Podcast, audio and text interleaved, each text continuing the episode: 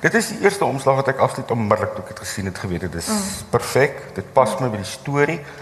Uh en ek dink ons het net een verandering gemaak. Daar was een ou gesig heel onder en ek het gesê daar's so 'n ou karakter in die boek nie. Okay. En ek moes bietjie redeneer daaroor met Esther, maar ek het uiteindelik vir die eerste keer Michelle my sin gekry met 'n voorblad.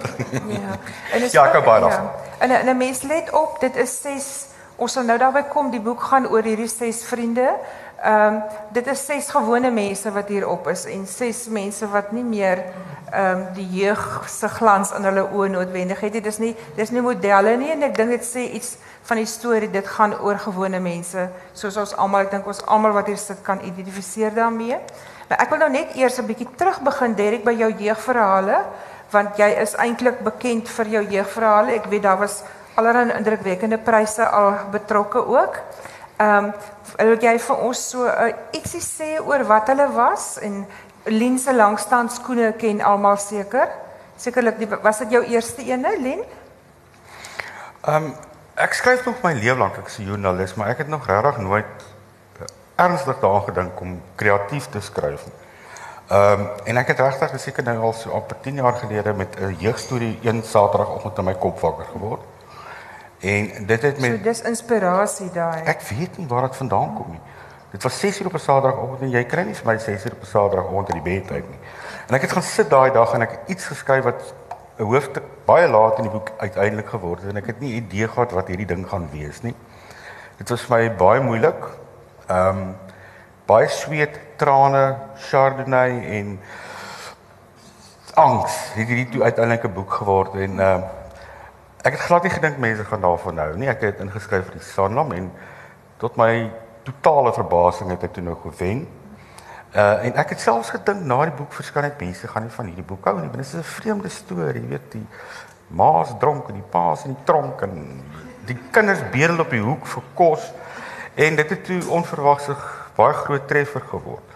Uh hy's goed voor uit Dis my eerste boek wat binne 3 maande uitverkoop het. Onthou jy, uh in die kleinhandel, dit gebeur nie sommer nie. Dit het met die ander glad nie gebeur nie. Uh en dit het net oornag my lewe op sy kop gekeer. En as die boek nie so suksesvol was nie, sou ek waarskynlik nie skryf ernstig opgevat het nie, maar nou doen ek dit. Ek beskryf myself nou as 'n skrywer. Dis ongelooflik die wat nog nie. Ehm um, ons het ook nou daaroor gepraat. En ek wil nou sê die van julle wat nog nie vir Lien en van die ander ehm um, jeugboeke gelees het nie. Ons het net nou met ons uh, uh, kuier daaroor gepraat dat ehm um, jeugboeke dit is nie eintlik net vir jong kinders noodwendig nie. Dit is net so geldig vir groot mense. Ek kan baie uit en ek het dit geweldig geniet om hulle almal nou te hersien. Daar kan jy onthou die ander titels wat jy het, Erik? Ek is nie meer so jonk as wat ek lyk nie, ek gaan probeer. Ons kan saam ba- bamba, wat was wat was na Lien? En na dien het ek ehm um, wil o ja, Willem Poprok geskryf. Willem Poprok is die een wat ek nie ken nie, wat ek nie kon in die hande kry nie. Wat eintlik Wil jy nie vir my iets sê van Willem Poprok nie want nou. ek ken hom nie. Hy lê baie na my hart se pad. Dis 'n lekker Okay. snaaks boek. Ek het eintlik direk na dien was ek op so 'n high dat ek 'n boek klaar gemaak het. Jy sien ek NB het 'n love story kompetisie. Uh en hulle soek bietjie iets anders. Toe skryf ek die pantoffelplantjie 2 3 maande nadat ek die manuskrip ingegee daar by Tafelberg wat toe uiteindelik Daan Dreyer se Blou Geranium geword het. O, Maar ek het dit oh, wat ek wou nou juist vra hoe hulle gevolg het. Dit het binne Goed. 6 weke in 'n baie besige tyd by my day job geskryf en dit was vir my heerlik om 'n karakter vir my ouderdom te skryf mm. en ek het niks daarvan verwag nie want uh, dit was vir my heerlike oefening. Mm. Maar ek stuur dit toe in en nooit iets daarvan gehoor nie maar Line toe nou intussen shine gevang en ek is nou Vlieg, glad. ja, vlieg geword ook, né? Julle weet seker. Ja, maar in elk geval, ehm um, toe kry ek 2 jaar later die manuskrip, die pantoffelplantjie terug en uh, die keerverslag sê dat dit hom terughou want hy het potensiaal, maar uh, dit werk nie as 'n liefdesverhaal nie want die man se perspektief is te prominent. Okay. Wat ek nie verstaan het nie, maar ek het ge, dit Dis een van my vrae, die dinge van mans en liefdesverhale. Ons gaan daarby kom. in elk geval uh dit is net Willem Poprok verskyn. Ek het binne 3 maande geskryf. Dit is die maklikste boek. Dit gaan oor drie tienerseuns wat hulle slagterpa baie beneuk inskryf vir 'n kompetisie vir die koerant uh pa van die jaar. Nie dat al enigiets dink hy's pa van die jaar materiaal nie, maar die prys is so awesome in die storie gaan hoe hulle agter die skerms hierdie pa sonder sy wete probeer presentable maak dat hy daarom 'n kans daai in die kompetisie. Ek het my drie seuns geskryf en ek het daai wêreld verstaan en dit was my heerlik om dit te skryf. En toe uh, ek is baie nederig maar Willem Poprop wen toe die MER prys ook. En die aand sê Nelleke die jager vir my. As jy ooit iets vir volwassenes skryf, moet jy vir my dit stuur. Toe vertel ek vir haar van die pantoffelplantjie wat ek geval al geval het ek het dis stuur vir my die pantoffelplantjie. En ehm um, sy kom sien my toe in Pretoria, haar ou ouers bly daar en toe sê sy vir my ek gaan nie ding uitgee, maar hy moet nie pantoffelplantjie wees nie. Mm. En ons het baie blits van ons het 'n pantoffelplantjie is dit 'n orgidee. Mense mos daai idee van die, nee. van die orgideetjies wat soos pantoffels lyk. Ek wou 'n plantjie hê wat ek is nie 'n plantkundige nie, my vrou is wat net nou en dan blom en dan hy vreemde blommetjies. Toe ry ek na 'n kwekery toe en toe vertel hulle vir my van die pantoffelplantjie. Okay. Maar toe sê Nellike dit klink te jeugdig. Ons moet dit 'n ander naam gee. En dit het toe nou daan dreier geword wat ek snaaks baie skepties was maar mense daarvan gehou. Toe het ek hoopvol geskryf want ek dink die boek is wat ek die hardste nog aangewerk het. Okay. Ek het dit ook vir Dit was vir jou kwalifikasie ook. Ek het dit ek het my M gedoen, jy moet dit prakties doen. Ja. Uh, my voormalige studieleier wat my effens in die steek gelaat. Dis ook hier nie gehoor, maar ek gaan nou nie haar naam noem nie. Sy het van werk van. Ehm um, ek het ek het manlike kortverhale geskryf. Maar toe besef ek ek wil toe nou hoopvol ook vir die saal moet skryf en ek het 'n deadline. Daar's nie 'n manier dat ek dit ook saam met die kortverhale kan doen nie. Toe ek sommer oornag vir my studieleier gesê, "Hoor, hoopvol is my prakties." Okay. So hulle het eintlik niks te doen gehad met die manuskrip nie, maar ehm um, hy het toe verskyn, maar dit is 'n moeilike struktuur, dis twee stories wat een ja, word. Ja. En ek het min tyd gehad en ek het 'n maand voor die tyd nie geweet hoe gaan ek hierdie stories bymekaar bring nie. Maar hy het oorleef en nadien is dit my suksesvolste boek. Okay. Dit het Bambadoose geskryf. Bambadoose nou. Seun wat karre ek praat baie. 'n Seun wat karre steel en ehm um, ek is baie trots op die boek, maar ek dink baie min mense weet van hom. Ja, ek Bambadoos is natuurlik my gunsteling. Is hierdie hierdie hierdie seun, hy word so geteken, hy's getraumatiseer, hy gaan ehm um, ry snags met sy motorfiets, nou steel hy 'n motor, maar hy gaan ry net 'n entjie met die motor. Ehm um, dan sit hy hom terug. Maar dan loop dinge natuurlik later verkeerd, maar ek ek het hierdie kind het in my hart gekruip. Nou kom ons gaan 'n bietjie aan Derek, jy het nou al 'n paar goedjies eintlik vir uh, vir my klaar beantwoord. Ons was nou by Daan Dreyer. Daan Dreyer is, is soos jou eerste volwasse roman. Dit is basies die verhaal van 'n egskeiding, maar uit die man se oogpunt. En ek dink dis iets wat ek weet nie of dit al in Afrikaans regtig gedoen is nie. Dink jy so? Ek weet ek lees nie regtig daai genre nie, maar ja. almal het vir my gesê daar's 'n behoefte nogal aan Ja. Mans in daai soort van opsig. Nou nou kom ons by by van my vrae, hierdie kwessie kan 'n man die tipe van ek wil nou ook eers eerste vra, kan jy jou romans vir volwassenes in 'n kussie in 'n nissie sit? Hulle is nie liefdesromans nie, hulle is nie spanningsromans nie. Het jy 'n naampie vir hulle? Mes voel mos jy etiket dit glad nie. Weet jy bietjie wat jy verwag? Ek het nou die, aan die woord gedink, ehm um, verhoudingsromans. Hoe klink dit vir jou? Dit dit is 'n term wat soms gebruik word. Ek dink dit word maar oor die algemeen gebruik vir 'n 'n storie wat gaan oor verskillende verhoudings waar die wat die liefdesverhouding prominent is, is dit 'n liefdesroman. So dit dit is vir my die naaste wat 'n mens aan kan kom. En nou kom 'n mens daarby kan 'n man dit skryf want ek vermoed dis meerendeels vrouens wat dit lees en dis definitief meerendeels vrouens wat dit skryf. Maar hier ek ons hoef nou net te vra kan jy nie want jy het dit gedoen en dan wat daarmee saamgaan en wat dit het implisiet dink ek die idee van heelwat emosie in in jou verhale en dan daarmee saam kan 'n man uit 'n vrou se oogpunt skryf. Ek dink so daar's soveel mans wat vroue karakters skryf. Ons het nou net gepraat van Karel Skooman, ehm um, hierdie lewe gaan ja. oor 'n vrou wat doodgaan. Ja, ja. Ehm ja. um, natuurlik kan 'n mens oor oor ander dinge skryf. Daar's nou 'n vreeslike debat. Wie is die skrywer wat we need to talk about Kevin geskryf? Lionel Shire. Sy het gesê mense kan nie oor dinge skryf wat jy nie self ja. beleef nie. En dis baie onsinnige argument. Ek bedoel, ons Want dan is ons eintlik baie beperk in wat waaroor ons kan skryf, nê?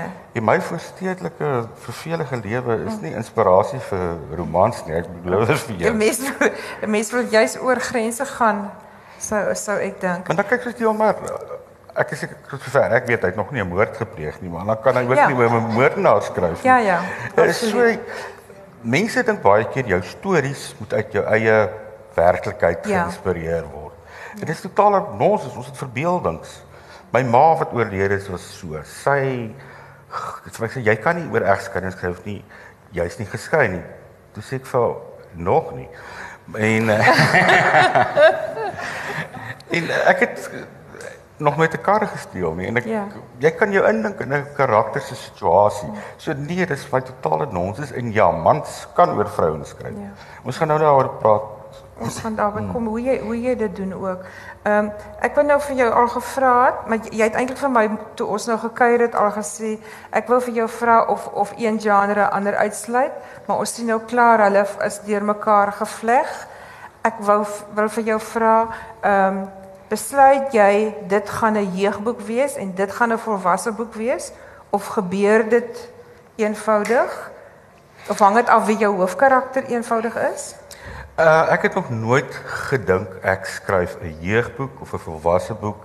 Die ouderdom van die karakters en die potensiële leser is my heeltemal irrelevant. Ek dink nie ek skryf 'n jeugboek vir hoërskoolkinders nie. Ek skryf 'n storie. Ja. En daar is die jeugletterkunde by die uitgewers 'n baie broodnodige klassifikasie van jeugboeke. Die boek is geskik vir kinders tussen 10 en 13 of tussen 18 en 21 Wat of natuurlik ook baie moeilik is om af te baken, ja.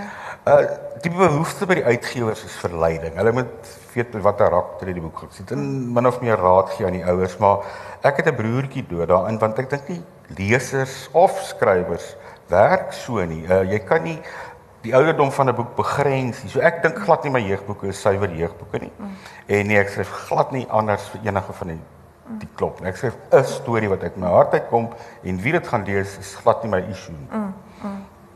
En 'n mens is mens is dankbaar as iemand dit lees, né? Nee. Dank Vader. Ja. So. En my pooi bankbestuurder. ook. Ja, ja. Ehm um, is daar vir jou 'n verskil in die belewing van van die skryf van hulle? Is een moeiliker vir jou of nee?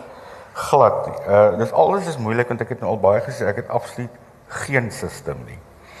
Ek het nie 'n spesifieke tyd soos my vriendin Elizabeth Wasserman wat elke oggend 4 uur opskryf, ons skryf sy tot 6 uur. Dis haar tyd. Nou sê ek vir Elizabeth, daar's nie maniere jy vir my sonder baie goeie redes 4 uur in die bed tyd kry nie. So ek het geen stelsel nie. Ek skryf hier en 'n bietjie daar. Ek het is nou besig met 'n jeugstorie. Ek het eerste week in Januarie laaste aangevat want ek het 'n baie demanding day job. Ek het nie tyd nie. Hoe ek dwaal nou so of ek het tot heeltemal my draad verloor. Waar was ek? 100%. Ek weet ook nie waar se was nie, O, hoor. Dis geen so ek probleem het nie. geen plan nie. Ek het nie 'n idee waaroor hierdie storie gaan gaan nie. Ek het 'n idee, ek het 'n tema en ek weet snaaks genoeg waar dit gaan eindig.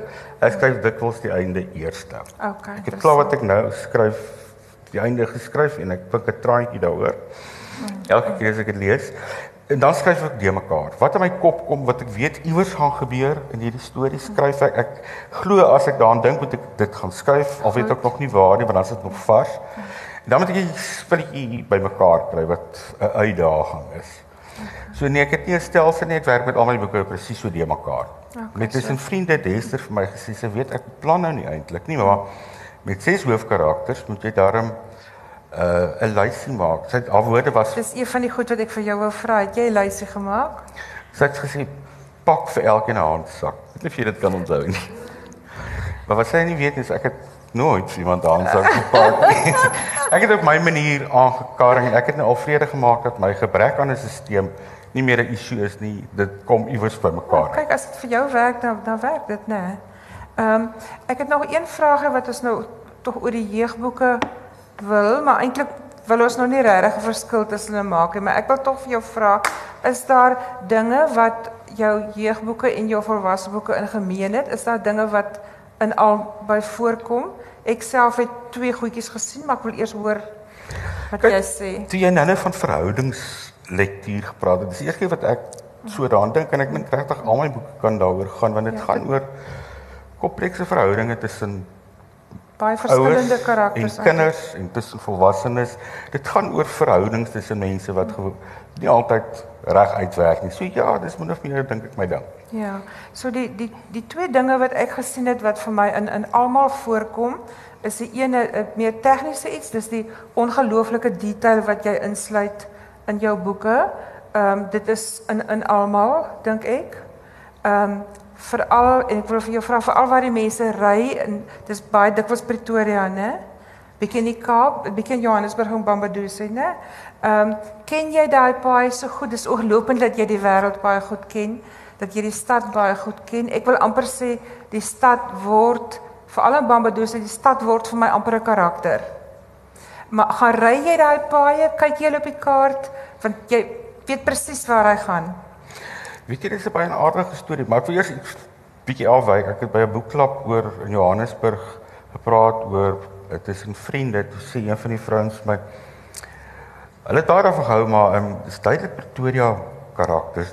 Jy weet ek nou nie of ek beledig Of dit nou kompliment is, kompliment is of nie. Ek kan absoluut nie oor 'n plek skryf as ek nie dit ken nie. Uh, ek het 'n verhaal vir vroue keer geskryf oor 'n ou jong wat liefde vind op haar ou dae. Baie pret geweest. Elke episode moet net 1500 woorde wees en dit moet op 'n cliffhanger eindig. Ja. Dit was 'n uitdaging, maar ek het dit aanvanklik in Bloemfontein laat afspeel. Mm. Dit wou net nie werk nie. Ja. Toe ek die storie verskuif na Capital Park in Pretoria, toe gebeur dit. Toe gebeur dit, ja, ja. So ek ek skryf oor Pretoria want ek wil weet waar's die winkelsentrum en ja. jy moet gaan kyk. Daar's 'n straat in Pretoria, Justice Mohammed, ja. Mohammed. Mm. Ja. En by 3 naamwoordjes op hoeken word dit verskillend gespel. En het help om dit te gaan googlen, want je krijgt al drie dae. Ja. So uh, dis belangrijk. Ik belangrik.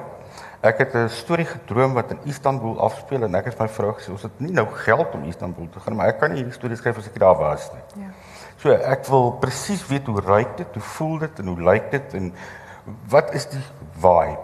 Want dit is dit is presies wat de mens dan sien in hierdie boeke. Jy jy jy is absoluut daarin en dit ek dink dit maak dit ongelooflik erg. Ek dink woord wat ek soek. Erg 'n kan sien jy ken dit en die, dit dit word dit word werklik by Bambadoos dit werk die stad word vir my 'n karakter en is ook baie keer dink ek 'n tamelike vyhandige karakter in daai situasie. Nou ek sal sê intussen vriende is dit miskien 'n vriendeliker ehm karakter hulle het al wel hulle is al vir jare tuis ten in die stad. Goed, die, ander enetjie wat die ooreenkoms wat ek sien of eintlik in al jou boeke is die die mense soek na betekenis. Die mense soek na sin van die lewe. Dink jy so? Die Wel, ek dink dit is tieners 'n- en die volwassenes? Ek dink dit is maar 'n universele ding. Ons soek ons maar almal na sin en betekenis. Ja. Of is dit nou 'n dodge vraag antwoord? ek dink so. Ja, ek wonder ook maar oor die sin van die lewe soms. Ons wonder maar almal. Ehm ons gaan daarby kom of ons later besluit daar is of nie besluit nie. Ehm goed, kom ons kom by tussen vriende. Ehm kan jy vir ons die die storie net eers voor ons by die individuele ses karakters en die baie belangrike sewende een kom? Ehm net so idee gee waaroor gaan die storie? Ek het gesien dis dit is drie pare, né? Drie getroude pare. Dit gaan met drie getroude pare so in hulle 50er jare en toe ek daan Dreyer geskryf het, het ek besef dit is lekker om iemand te skryf my ouderdom want jy is reg vertroud met die issues. Hulle word ouer en dit gaan maar oor ouers wat siek word en ouerhuis toe moet gaan. Kinders wat nie noodwendig hulle voete vind nie en of besluite neem waarvoor jy glad nie gedink het gaan hulle paadjie in die lewe wees nie. En dan een paartjie het uh die man het 'n verhouding met 'n jong vrou. Uh en dan is daar 'n paartjie wat besluit die ouers bly saam met die broer op 'n plaas en die broer wil immigreer na plaasmoord Australië toe. Wat word van die familieplaas? So dis dinge wat ek dink in my era issues is waaroor ek en my vriende byvoorbeeld praat. Ja, en ons mans praat nie net oor seks en die blou bulle nie, ons praat oor hierdie goed ook. Ons sien dit baie mooi hier en ek het jy eers gesê dat iemand vir jou gesê het mans praat nie regtig Ja. oor ander dinge nie. Ek ek het dit baie oortuigend gevoel gevind dat hulle praat oor ander dinge baie keer tamelik onhandig of ongemaklik. En miskien ontoereikend, maar hulle hulle probeer. Ehm um, kan ons die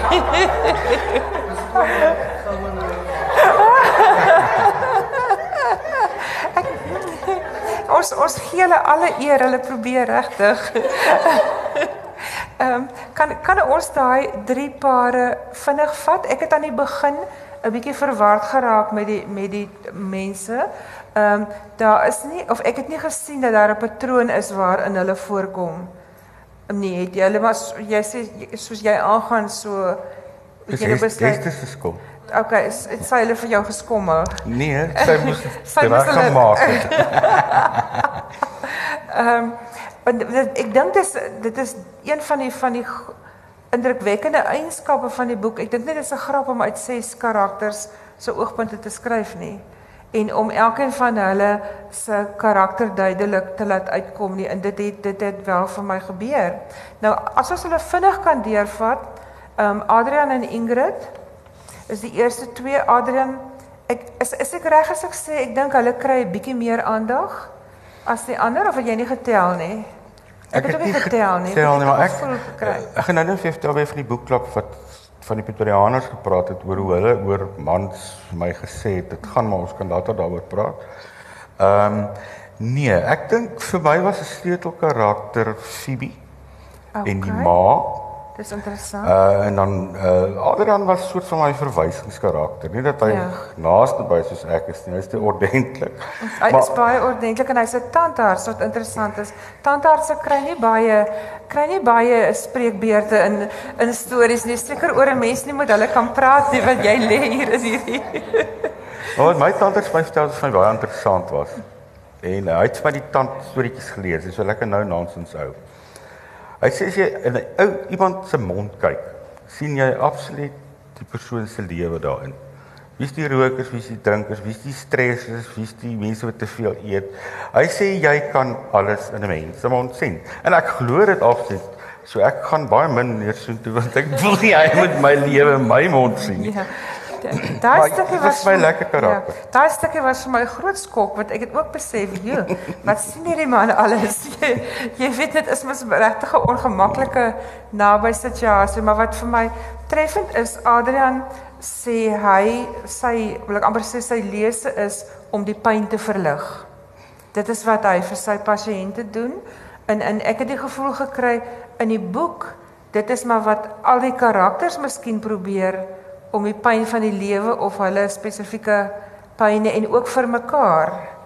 Die die twee ander mans sou vir dink ek wil baie graag hoor wat nou die verhouding het se se pyn verlig want hulle is baie baie bewus van sy pyn. So so so ehm um, vir Adrian, die tandarts. Ehm um, jy sê hy is 'n baie ordentlike ou en dan Ingrid is sy vrou. Ingrid is 'n is 'n sterk vrou. En sy het kry dan ek dink dit staan agterop ja, so ek wil nie te veel verklap nie, maar Ingrid kry dan 'n knop of knoppe in haar bors en dit is ook nie die heel eerste keer nie. Ehm um, en sy hanteer dit deur te sê ek sal fyn wees. Ehm um, en op die oog af lyk dit of sy dit maklik hanteer. En dan is daar klein oomblikke wanneer jy sien hoe diep dit regtig vir haar raak. En dis dis vir my baie aangrypend hoe dit haar man raak en hoe hy probeer konsentreer. Sy sê vir hom, "Jong, dis net 'n bors, dis nie jou hele vrou nie." En hoe hy dit vir homself ook sê, hy probeer dit vir hom hanteerbaarder maak, maar eintlik bly dit 'n verskriklike skrikwekkende ding. Goed, dis hulle. Ehm um, hulle het dan ook 'n hulle enigste kind wat oor see woon, né? So dit is vir vir my 'n baie relevante iets wat baie van ons beleef. Daai verlange, die kuier wat beplan word. Ehm um, die noodwendige afstand, maar die poging was vir my baie mooi. Die ma, sy skryf vir die dogter. Ek dink nie hy skryf of kommunikeer nie, maar hy slaap met daai pyjama broek wat sy vir hom gegee het. En Ingrid sê sy dink is so 'n bietjie soos 'n teddybeer wat hy slaap met daai pyjama broek wat sy dogter vir hom gegee het. So die die verlange is daar. Goed, en dan kom ons nou by Cassie en Phoebe. Nou is my interessant dat jy sê Phoebe was vir jou 'n belangrike hmm. Vertel vir my van Phoebe hoe jy vir haar sien.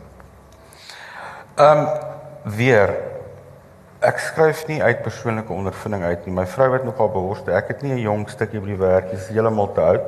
En ek het ook nie 'n seun wat vermoedelik nie 'n bedenklike nagklap sing in Johannesburg met 'n rok nie. Maar ehm um, wat was jou vraag? Ekskuus. Ek sê jonk is dit ek, ek ek weet hoe hoe sien jy vir Phoebe? O. Hoe kom Phoebe, kom vind jy goed aanslag ek aansluiting by haar? Komplekse verhoudings tussen ma's en dogters. Absoluut. Beleef ek, ek het 'n suster wat presies daai verhouding met my ma gehad het. Mm. En die stukkie waar sy baie gewig verloor het en die ma se ja. sy boord om nou beter braas te dra. Braas, ja. My ma het dit vir my suster gesê. Okay. ek kan dit goed onthou. So daar kom wel ele daar kom elemente uit jou werklikheid ook. Baie vaak wat daai in... ding was vir my 'n steterverhouding, die ja. moeilike verhouding tussen ma en dogter want ek beleef dit ek het 'n kollega wat dit met ja. so verhouding het en jy hoor gereeld van vrouens wat hierdie moeilike verhouding met hulle ma's het. Ja. So dit was my lekker ding om te skryf want ek het geweet waaroor dit gaan. Ja. Maar Phoebe was vir my 'n 'n mens wat gegroei het van 'n onsekere dingetjie wat net wil oh, maar wees ja. tot iemand wat iets anders geword het aan die einde van die storie. Sy sy het definitief hmm. gegroei. So sy's hierdie hier sy het fisies gekrimp, sy het fisies gekrimp. Ek sê Nee, sy het gewig verloor. Ja, sy het baie mooi gekrimp. Dis ek en my oorlede suster, ons is kort, ons is altyd so tussen Wylies en White Phoebe, dis Phoebe daar. Sy sy sê ook vir haar vriendinne gedurig, maar julle julle is lank iemand wat so kort soos ek is. So sy het baie gewig verloor en sy armaat, lyk like my het maar as tiener vir haar gesê my kind, ons moet nou iets doen aan jou gewig. Maar die die ma was vir my baie aangrypend Marjorie nou. Sy sê hierdie ek sien haar ook as 'n lang vrou, kan nie onthou dit gesê word nie, maar 'n statige en 'n sterk vrou. Sy was 'n doktersvrou op 'n op 'n op Swellendam gewees, so sy was het waarskynlik iemand met status. En Phoebe voel net eenvoudig so minderwaardig teenoor haar ma en nie altyd met rede nie. En ek kan as 'n ma nou ook weet ek ook die dinge wat mense vir jou kinders sê wat hulle noodwendig ehm um, neem hulle dit nie noodwendig op soos wat jy dit bedoel het nie. So daai teregwysings kom natuurlik waarskynlik uit die diepte van haar moederhart en dan is daar dan kom die oomblik nou wanneer die rolle omgeruil word. Wanneer ma siek word en hier sit Phoebe en en en die versorgingsrol kom nou na haar toe en sy is in, in totaal getraumatiseer en morsdood geskrik daaroor maar daai ontsettende liefde is ook daar. En die ironie daar is nog 'n broer en 'n suster net maar hulle is te besig. En Phoebe besef my hierdie ding gaan op haar afkom. Dit is dit is vir my baie aangrypend want ek dink dit is baie baie mense kan ehm um, identifiseer daarmee. En en dan ehm um, Cassie Cassie is nou Phoebe se man. Ek is nogal erg oor Cassie. Vertel vir ons van Cassie. Cassie is 'n staatsamptenaar gewees wat baie dapper jonk in sy lewe besluit het, maar dit gaan nie werk nie en hy het sy het 'n besigheid begin wat toe nou 'n reuse sukses geword het. Hy hulle is ryk mense, maar werk baie hard. En hulle het hierdie seun. Ek weet nie of jy daaroor gaan praat nie. Jy kan jy kan nou praat oor die seun, oor Paul, né? Moet ek sê wat hy doen? Net so effentjies, nie heeltemal nie alles nie. Ja. Maar maar Paulus anders. Hy's anders. Hy sing in 'n nagklub in uh Braamfontein. Die nagklub tonele is effens snaaks en baie aangrypend. En hy sien baie op na sy ouers se rykdom. Hulle koop byvoorbeeld vir mekaar wat hy teruggee. En uh hulle moet vrede maak met hierdie kind wat totaal anders is en ander dinge doen. En dit was my uitdaging om ek weet Phoebe gaan dit gou aanvaar. Maar vir Cassie was dit 'n proses. Ja, dit was ja. vir my baie lekker om daai proses te skryf en die einde van dit. Ek gaan dit nou nie verklaar. Ja, dis baie aangrypend, maar waar hulle nou en hulle dis vir my baie aangrypend dat hulle van die begin af was hierdie seentjie anders, ook as die as die ander vriende se kinders. En van die begin af hulle sê vir mekaar kort kort in die storie, maar ons het mos besluit dis oukei. Okay. Ons aanvaar hom soos hy is, maar in die praktyk is dit nie so maklik nie. Toe hy nou nog meer anders is as wat hulle besef het hy's anders. Ehm um, ek wil sommer net daarby dink iets iets heel anders. Daar's 'n paar tonele in een van hulle wat ek het nou nie almal gesoek nie. Daar's 'n paar tonele in die boek waar daar geen dialoog in is nie. Het jy dit agtergekom? Het jy dit moet willig so gedoen? Of is dit bloot toevallig? Ek het weet nie van hulle nie. Dis vir my, dis vir my so interessant. Ek het bloot toevallig gewees. Ek het dit opgelet met die met die tweede lees.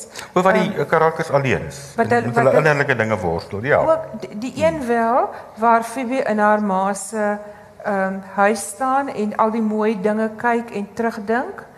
Ehm um, en dan aan die einde, dis by die, iets anders waarby ek wil kom aan die einde een of twee sinne wat eintlik wys hoe ontsettend swaar sy kry in 'n situasie en dan die ander een waar daar geen dialoog is is, is waar Phoebe en Cassie die tweede keer vir Paul gaan luister in in hierdie nagklub en dit is so aangrypend. Um, dit was vir my interessant dat dit so goed gewerk het sonder enige dialoog. Ek dink uh, tonele het noodwendig altyd dialoog nodig nie. Ja. Ek kyk aan Bambadoos is daar baie tonele waar dit net hierdie kind is wat die kar steel Ja, en veral waar hy nou alleen is. praat met nie niemand om nie, om ja. mee te praat nie. Dit is so Goed, so ons het die o ja, nou nou kom ons by die die laaste uh paartjie en dit is Will en Soekie. En Will en Soekie lyk eintlik na hierdie ideale paar. Hulle is twee mooi mense. Will is hierdie aantreklike man. Hy lyk vir my luister of of jy saamstem. Hy het die beste deur die verouderingsproses gekom. So 'n lang man met sportief mooi bene en hierdie hierdie uh, bokbaartjie met die effense grys in. Soekie het aan haar lyf laat werk. Sy is 'n baie mooi vrou. Sy het hierdie hierdie roesbruine hare wat so en die kort rokkies en hierdie pragtige bene en twee seuns wat vir my klink heeltemal op die goeie weg is, twee vol jong volwasse seuns. En toe kry Will 'n stukkie. Maar nou wil ek eers by jou hoor, hoekom 'n stukkie? Hoekom het hy nie 'n ver nie of hy kry 'n meisie? Hoe het jy hoe het jy by daai stukkie uitgekom? Ek dink op 'n manier was dit die eerste ding wat ek aangedink het stukkie. Uh in die manuskrip se naam was aanvanklik stukkie tot baie baie laat. Okay. Maar die stukkie het ek gedink is simbolies van al drie pare se dinge. Wil dit nou letterlik 'n stukkie en mans praat van 'n ou wat 'n girlfriend het van sy stukkie. Uh Ingrid met die borste, dit was 'n stuk van haar. En dan Phoebe hulle wat met vrede maak met hierdie kind want hy's 'n stuk van hulle. So ek dink dit is baie diep en filosofies maar toe alle besluit ons moet dit liewer tussen vriende maak. So 'n stukkie is maar 'n naam wat mans gebruik. En dit is die ding wat 'n mens kan dit baie negatief sien hè. Ek dink jy so? 'n mens kan op jou high horse klim en sê dis objektivering van die vrou. Ehm um, dit laat nie eintlik vir haar 'n persoonlikheid toe nie. Dit maar dis dis baie realisties dat 'n mens dink hoe die dit is hoe die hoe die mans praat en ehm um, ek het gewonder is sy 'n katalisator vir alles wat gebeur maar 'n katalisator bly dieselfde en veranderinge gebeur rondom hom. Verander sy ook? Uh hoekom hulle haar 'n stukkie noem want hulle ken haar nie. En is hulle boesempel en Cassie vat nie simpatie daaroor nie, maar wil wil is baie.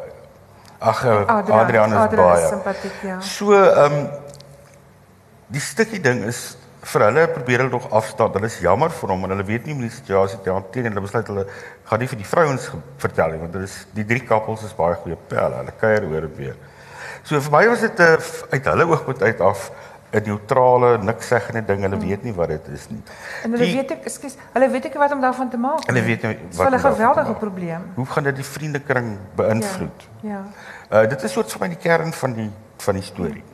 Ehm ek dink nie die stukkie speel 'n baie groot rol nie en ek wou nie van haar 'n verskriklike karakter maak nie. Dit het vir my gegaan oor dat sommige mans in hul middeljare glad nie noodwendig op 'n negatiewe manier nie val vir 'n jong meisietjie saam wie hulle werk het gebeur. Ja. En ek wou dit skryf uit die oogpunt uit en ek sê weer ek het is heeltemal te oud vir 'n stukkie. Ek dis nie ondervinding nie, maar ek wou dit skryf te oogpunt uit kan 'n mens dit altyd as wit en swart beoordeel. Is dit Ja, ek altyd dis dis so waarmee va- waarmee veral Adrian ook baie worstel, ja, né? Ja. En ek wou nie 'n 'n oordeel daaroor uitspreek nie. Ja. Ek wou gehad het lesers moet self besluit. Elna van der Merwe van Huisgenoot het vir my gesê sy's glad nie ingenome daarmee dat die mans karakter so simpatie het met Will. nie. Ehm terwyl ander mense weer sê dis ek het dit realisties geskep want die mans weet eintlik wat met hierdie ding Dit te was doen baie nie. baie aangrypend. Mm. Hulle was verskriklik. Wat interessant is en opvallend is en vir my aangegryp het, is hoe on ehm um, die storie begin eintlik waar die mans bewus word van die stukkie. En dit eindig eintlik waar eers na die hele boek hulle al ses dit almal weet en almal weet die ander weet. Aan die begin was hulle was elke een wat gehoor het is verskriklik ontstel oor hy nog nie tevore geweet het nie. Ehm um, die die mansvriende was ontstel ehm um, hoekom het Will nie vir hulle gesê nie. En en hulle vra vir hulle self hierdie vraag af as hulle in so 'n situasie kom, sal hulle vir hulle pelle dit sê. Ehm um, en en hulle voel verskriklik uitgesluit en presies dieselfde by die vrouens wanneer die nuus nou so stuk stuk deurgaan. Vrouens is baie kwaad toe hulle agterkom die mans weet dit lankal en die mans het besluit dat dalk hoef die vrouens dit nooit te weet nie. Ehm um, wat vir my ook aangegryp het is die die bietjie wat ons van die stukkie weet. Het sy naam, is haar naam Ellie? Want want ek het haar naam kom baie min voor, so sy word nie as 'n karakter eintlik uitgebou nie, maar wat jy van haar sien is sy is nie 'n flossie wat rondloop en ouer mans soek nie. Sy lyk eintlik na 'n baie ernstige meisie en hoe sy dit op die ou end hanteer, wys dis glad ook nie 'n situasie wat sy in um in rustig en in tuis voel nie. So so eintlik is sy op die ount 'n tragiese figuur en miskien die een wat die swaarste kry. Al weet ons dit nie. So so op die ount het ek nogal baie simpatie met haar hoewel as baie min van haar weet. Goed, nou tot die mense, so dis daai 6 mense en dan Ellie. Ehm um, Derek, ons het aan heelwat goed geraak, maar is daar temas vir jou in die boek? wat vir jou uh, prominent uitkom. Ehm um, ek ek wou nou vir jou gevra het, het jy vooraf gedink ek wil aan hierdie en hierdie temas raak, maar ek weet nou al jy jy gaan vir my nee sê, hulle kom na vore. Is daar sake wat vir jou prominent is? Ehm um, ons gesin is nogal die laaste 5 jaar deur 'n hele klomp sterwes. Uh my suster is dood uh, in 2013 op 53. Ek het 'n baie goeie vriend en 'n vriendin twee jaar agter mekaar verloor. Ek het een die boek aan een van hulle opgedra, sy is aan kanker oorlede. Ek het gesien daar so. My ma is verlede jaar oorlede en op November is my broer van 53 ook oorlede. So ons dood het vir my 'n verskriklike werklikheid geword. Uh dit gebeur, ja. Dit is en 'n mens ek het 'n seun wat 'n prokureur is wat uit omtrent 108 jaar op tikkies gestudeer, maar hy's nou uiteindelik ene En hy het my vreeslik baie gehelp met al die boedels en ingewikkelde dinge want ek is nou die enigste een en ek moet nou al die verantwoordelikheid ja. vir daai goed dra. Ja. Uh en die stukkie waar Fibi in haar ma se huis in Swellendam rondloop terwyl die tannie slaap en sy kyk na al die goedjies en dit dit het met my gebeur. My ma het baie vinnig siek geword. Ek moes tydelik daar intrek want sy het geval. Sy kom nie op in die nag nie. Ons het net skielik met hierdie ding gesit.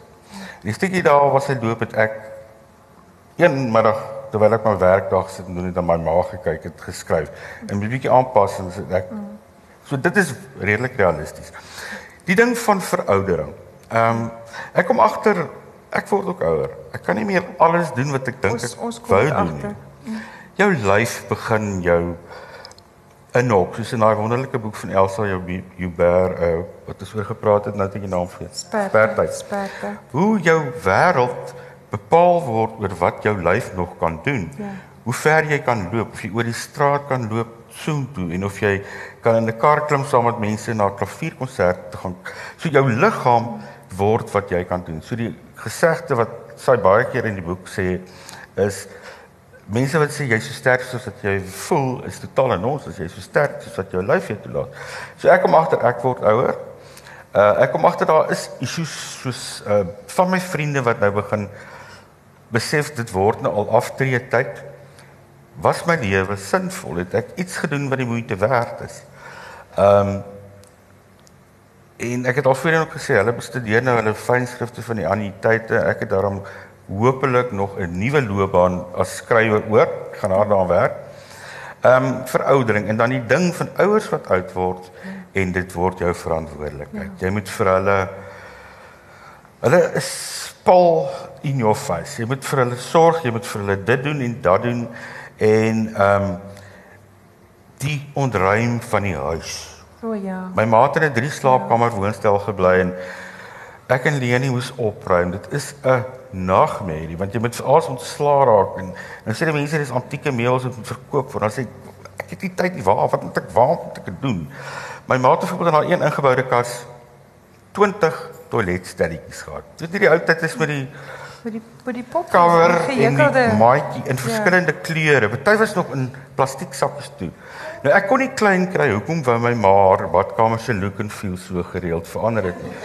Maar die punt is ons moes van al die besittings ontslaa raak. Dis 'n enorme werk en as jy nog nie daardeur is nie, dit lê vir jou voor. om hulle in die ouer huis te kry en daai verskriklike aanpassing en daai klein kamertjie en my ma het vir my sê maar al lewe wat so wonderlik en opwindend was het dit nou gereduseer tot hierdie piep klein kamertjie waar sy 'n bed en 'n kas en 'n televisie het en 'n yskas. Ehm um, so dood het my werklikheid geword. Nou wat ek daar uitgeleer het is dat dit lekker is om te lewe. En jy het 'n plig om dit te doen, om dit ordentlik te doen. Al is jy nou al ek is nog ver van 60 of nou iemand. Maar dit dat dit 'n goeie ding is om te lewe. Dit werk nie vir almal uit nie. Niemand het 'n het 'n trip in Disneyland. Nie maar jy het 'n plig om hierdie dinge te face en ek vir verhoudings is my baie belangrik. Ja. En dit moet nie op sosiale media geskied nie. Ek het 'n handvol baie goeie vriende en vriendinne en ons Facebook nie, ons gaan eet pap lunch en ons gaan drink bier en ons eet breakfast. Ons kyk mekaar in die oë en daai verhoudinge tussen beduidende mense is so belangrik en daar's soveel mans wat ek agtergekom het wat nie vriende het nie. Hulle het neefs en broers en kollegas, maar dit nie goeie close vriende wat hulle oor goed buiten seks en die blou bulle. Ja kan praat nie en diep ja. daaroor kan praat en, en ons doen dit. Dit is wat hierdie manne kan doen. So mens moet werk daaraan. Geld is niks 'n vergelyking met goeie verhouding met beduidende mense nie. Ek dink net soos eerder dit is daar patient strong boekies. Ja. Meneer Roos is op die voorblad. Wat bedoel dit actually? Jy het my nou baie diep geraak. Ek sê nou ek is nou diep bewoe hier dat mense hierdie hierdie hierdie kwessie van die lewe en ek dink dit sluit aan by wat wat ek ook hier gesê het intevore dat hulle soek na die sin van die lewe. Die die tieners soek maniere om dit sinvol te maak en hulle hierdie karakters ehm um, daar's heelwat wat hulle praat oor is dit nou maar al het 'n mens nou eintlik iets gevind? Is dit nou maar al jy word nou maar gebore, jy word groot, jy swat en jy werk en jy word oud en jy gaan dood. Is daar iets meer? En nou nou wonder ek of en en daarmee saam sien ek hierdie idee van Adrian van die tandarts van om die pyn te verlig. En nou wonder ek is verhoudings op 'n ou en die groot ding wat die pyn kan verlig. Ek glo absoluut daaraan. Ek het drie seuns en ek preek vir altyd of van kleins af. As jy nou al die geld in die wêreld het en jy het nou alles gekoop hierdie week wat voor lê wat jou hart begeer. Wat dan? Die goed gaan dit jou gelukkig maak. Belê in verhoudinge met mense om jou wat goed is en hou dit moet vir jare aangaan. Jy moet mekaar se mense wees. Baie belangriker is aardsgoed maar na rolle natuurlik net hulle oë. Ja ja. Ja ja, ek het 'n seun van wie daai preek. Ek sê vir jou hier, ek sê vir jou hier. Ehm um, weet jy ons het soveel uh, hoeveel tyd het waar trek ons? Dis kwart uur. OK. Dit so is baie. ek dink ons het ons het basies ek het nog 'n klomp vrae wat ons basies almal eintlik aangeraak het van dat ons kan dink dit kan 'n verhoudingsroman wees van die tonele sonder dialoog het ons gepraat. Ehm um, o ja, daar's nog een dingetjie wat ek wil sê. Ek het by jou talent gesien wat ek wonder of jy weet dat jy dit het. En dit is die talent van die laaste sin. Derek het die, het die vermoë om en, en dit hang saam met die ongelooflike detail wat gegee word. Die mense waar hulle ook al doen, hulle hulle doen die dinge in detail. Ek erns was sy haar bankkaart gee, dan sien jy dis 'n standaard bank bankkaart. Baie baie detail en baie gewone dinge, nie aardskuddende. Dis nie 'n dramatiese boek met dit is eintlik baie groot dinge, maar ek dink dit word baie onderbeklemtoon. Maar uit die manier om 'n toneel te teken, doodgewone dinge, sy doen dit, sy doen dit, sy doen dit en dan 'n laaste sin wat vir jou al die as ons wil nou weet of mans kan emosies skryf, maar dan gee daai laaste sin vir jou die volle emosie. Daar's een toneeltjie waar Ingrid staan in in haar kombuis, sy maak 'n koppie tee, die ligte is af, dis aand. En dit lyk maar net na 'n vrou wat 'n koppie tee maak en daar's 'n laaste sin wat vir jou absoluut sê hoe diep hierdie ding van haar van die knop aan haar bors vir haar raak. Daar's die ander toneel waar die manne ehm um, paintball gaan speel saam met uh Will en sy seuns. En dit is eintlik baie snaaks want hierdie hierdie drie ou manne, hulle wil nie saam met die ander kinders in gedeel wees. Hulle vat hulle aan hulle op hulle eie en hulle vaar nie te sleg nie en dan is Will weg. En dan kry hulle vir die ander twee verhoor daar agter die rots en hulle besef dit is eintlik 'n gebroke man wat hier sit en hulle wil so graag help, hulle wil so graag die pyn verlig. Maar hulle weet ook nie eintlik hoe nie.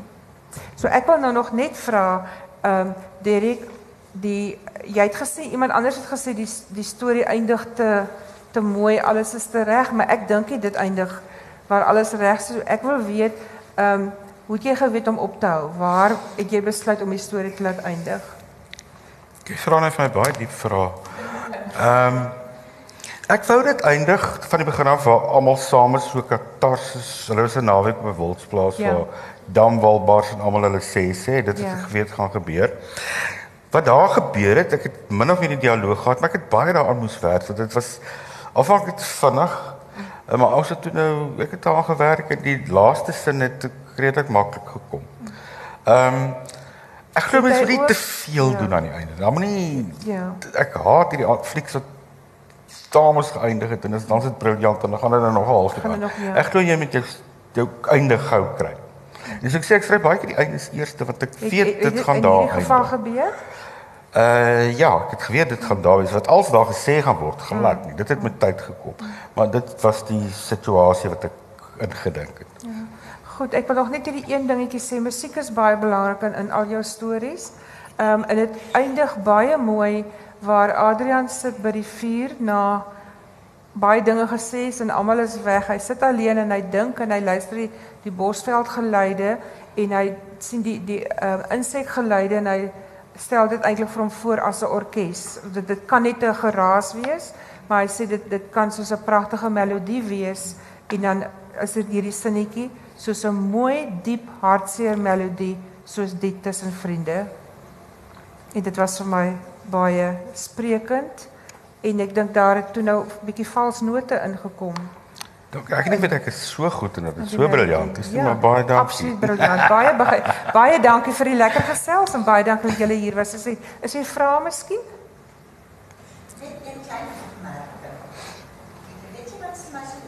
Wie's